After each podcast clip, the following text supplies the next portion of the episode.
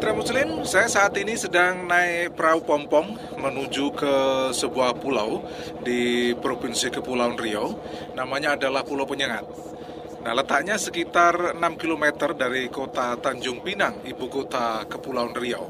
Saya datang kemarin dan hari ini saya menuju ke Pulau Penyengat. Dengan perahu pompong ini, mitra muslim, biasanya jarak Tanjung Pinang Pulau Penyengat ini bisa ditempuh 15 sampai 20 menit. Dan uh, perahu ini saya sewa Rp80.000 karena kalau menunggu penumpang penuh ini terlalu lama dan saya bisa ketinggalan sholat Jumat di Masjid Pulau Penyengat yang sangat legendaris. Nah, di laut ini saya sudah melihat salah satu tempat yang akan menjadi tujuan saya dalam jejak Islam Nusantara, yakni Masjid Raya Sultan Riau.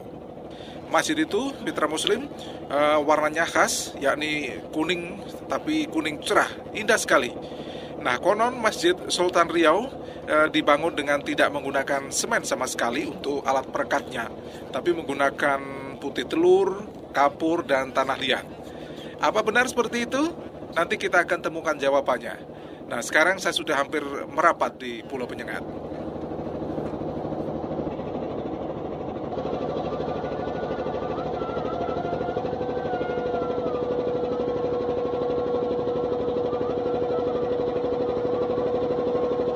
Ternyata pulau ini tidak sebesar yang saya bayangkan sebelumnya, yakni hanya sekitar 2.500 kali 750 meter.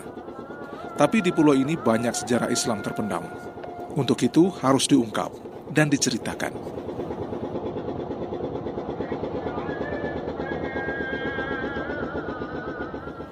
Masjid Raya Sultan Riau ini berada di situs cagar budaya Pulau Penyengat dan ternyata masjid ini tidak pernah sepi. Pada hari biasa, selalu digunakan warga untuk beribadah, misalnya seperti sholat lima waktu dan acara pengajian. Pada bulan Ramadan seperti sekarang, kegiatan ibadah di masjid ini berlangsung hampir 24 jam. Seperti siang ini, setelah sholat Jumat, sekitar 50 anak belajar mengaji. Kegiatan ini berlangsung sampai saat berbuka puasa nanti.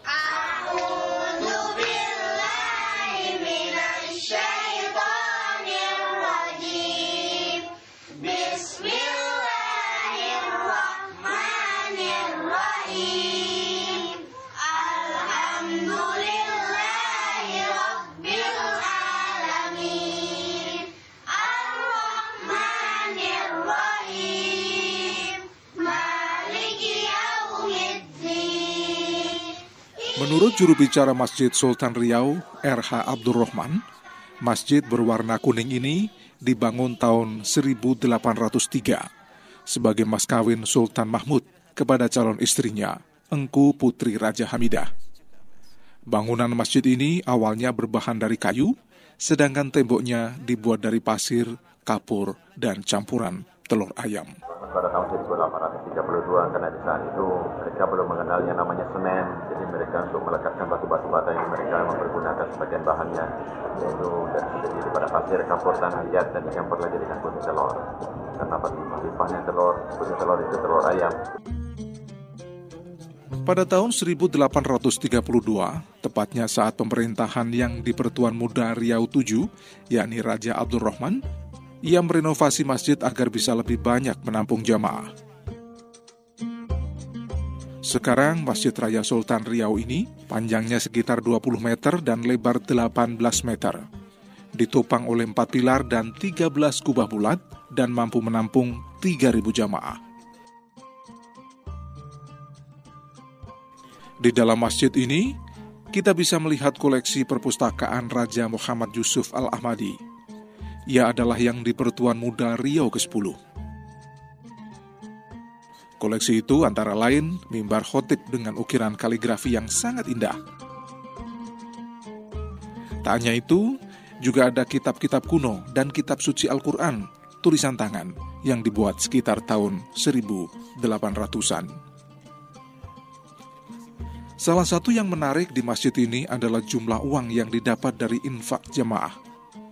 Tadi sebelum sholat Jumat dimulai, pengurus masjid mengumumkan jumlah infak di Masjid Raya Sultan Riau ini hampir 2 miliar rupiah.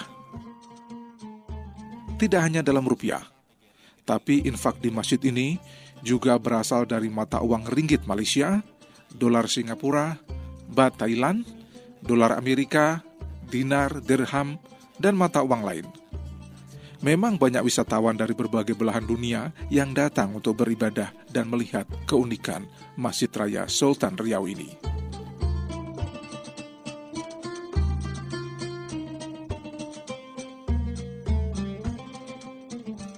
Setelah puas menikmati Masjid Raya Sultan Riau, saya berkunjung ke istana kantor. Tempatnya hanya beberapa meter di samping masjid. Di gedung ini disimpan jejak kekayaan karya sastra Melayu yang sangat luar biasa. Terdapat sekitar 400 buku bersejarah yang masih tersimpan rapi.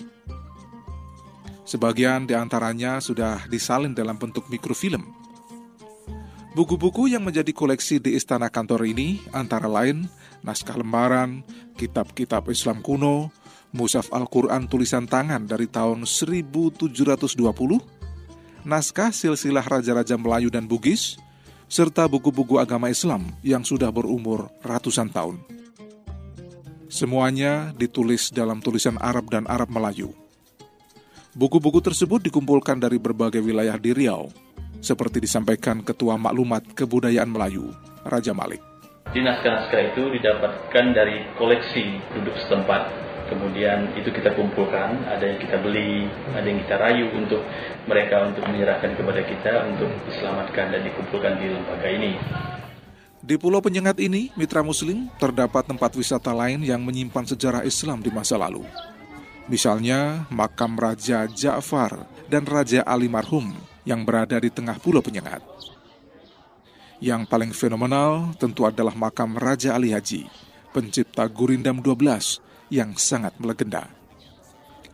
Seperti yang kita tahu, Raja Ali Haji tidak hanya dikenal sebagai seorang sastrawan Melayu, tapi juga sebagai tokoh intelektual, sejarawan, dan ulama yang sangat terkenal hingga kawasan Asia. Semasa hidupnya, Raja Ali Haji menjadi penasihat bagi Sultan sekaligus guru bagi masyarakat Melayu. Karya Gurindam 12 pun menjadi salah satu kekayaan budaya bangsa Melayu. Karya Raja Ali Haji ini berisi nasihat dan petuah-petuah kehidupan. Inilah sebagian di antaranya. Ini Gurindam pasal yang pertama. Barang siapa tiada memegang agama, segala-gala tiada boleh dibilangkan nama. Barang siapa mengenal yang empat, maka yaitulah orang yang makrifat. Barang siapa mengenal Allah, suruh dan tengahnya, tiada ia menyalah. Barang siapa mengenal diri, maka telah mengenal Tuhan yang bahri. Barang siapa mengenal dunia, taulah ia barang yang terpedaya. Barang siapa mengenal akhirat, tahulah ia dunia mudarat. Ini gurindam pasal yang kedua. Barang siapa yang mengenal tersebut, tahulah ia makna takut. Barang siapa meninggalkan sembahyang seperti rumah tiada bertiang. Barang siapa meninggalkan puasa, tidaklah mendapat dua termasa. Barang siapa meninggalkan zakat, tiadalah hartanya beroleh berkat. Barang siapa meninggalkan haji, tiadalah ia menyempurnakan janji. Ini gurindam pasal yang ketiga. Apabila terpelihara mata, sedikitlah cita-cita. Apabila terpelihara kuping, habar yang jahat tiadalah damping. Apabila terpelihara lidah, niscaya dapat daripadanya faedah bersungguh-sungguh engkau memelihara tangan daripada segala berat dan ringan. Apabila perut terlalu penuh, keluarlah fiil yang tiada senonoh. Anggota tengah hendaklah ingat, di situlah banyak orang yang hilang semangat. Hendaklah pelihara kaki daripada berjalan yang membawa rugi. Ini gurindam pasal yang keempat. Hati itu kerajaan di dalam tubuh apabila dengki sudah bertanah, datanglah daripadanya beberapa anak panah. Mengumpat dan memuji hendaklah pikir, di situlah banyak orang tergelincir. Pekerjaan marah jangan dibela, nanti hilang akal di kepala. Jika sedikit pun berbuat bohong, boleh diumpamakan mulut itu pekung. Tanda orang yang amat celaka, aib dirinya tiada ia sangka. Bahil jangan diberi singgah, itulah perompak yang amat gagah. Barang siapa yang sudah besar, janganlah kelakuannya membuat kasar. Barang siapa perkataan kotor, mulutnya itu umpama ketor di mana tahu salah diri jika tidak orang lain yang berperi. Pekerjaan takbur jangan direpih, sebelum mati didapat juga sepi.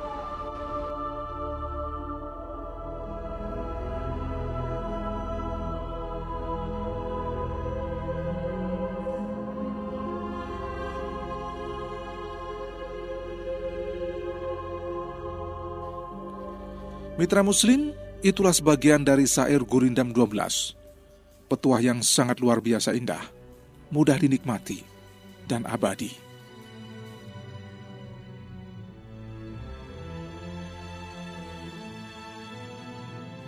Nama Pulau Penyengat ternyata berasal dari cerita masa lalu, yaitu saat para pelaut menjadikan pulau ini sebagai tempat persinggahan dan lokasi mengambil air tawar yang terdapat di tengah pulau ini.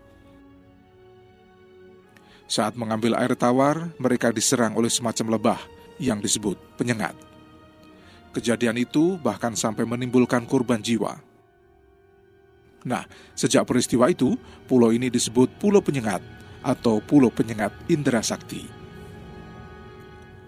Karena letaknya yang strategis untuk pertahanan, pada beberapa abad lalu, Pulau Penyengat ini berkali-kali menjadi medan pertempuran Tercatat antara lain perang Sultan Sulaiman Badrul Alamsah dengan raja kecil dari Syiah. Demikian juga ketika terjadi perang antara Riau dengan Belanda antara tahun 1782 hingga 1784. Sisa-sisa pertempuran berupa benteng pertahanan, meriam, dan peralatan perang lainnya masih dapat kita lihat sampai saat ini.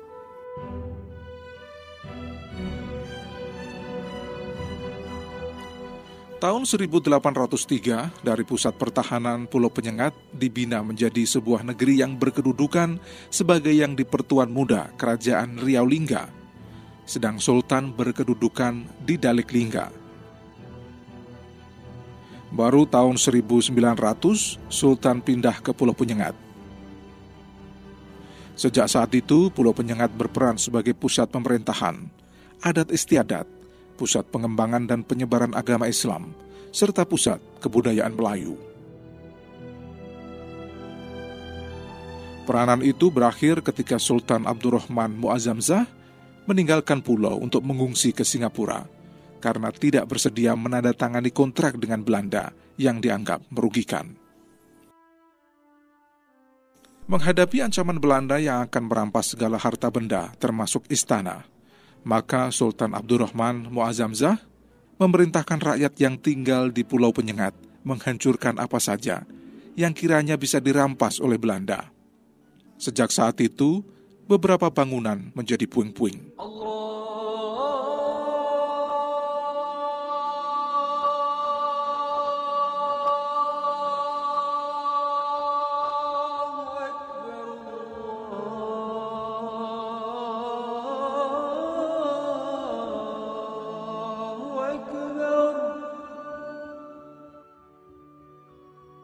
أشهد أن لا إله إلا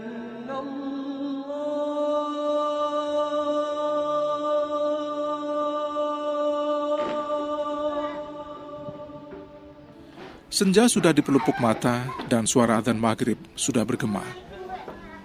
Warga berduyun-duyun ke Masjid Raya Sultan Riau untuk berbuka puasa. Saya melihat lampu-lampu rumah warga bagikan mutiara yang menghias pulau kecil ini. Tak terang benderang, tapi kehidupannya penuh dengan kesantunan. Ini hanya salah satu jejak peninggalan kejayaan Islam yang diamalkan warga Pulau Penyengat.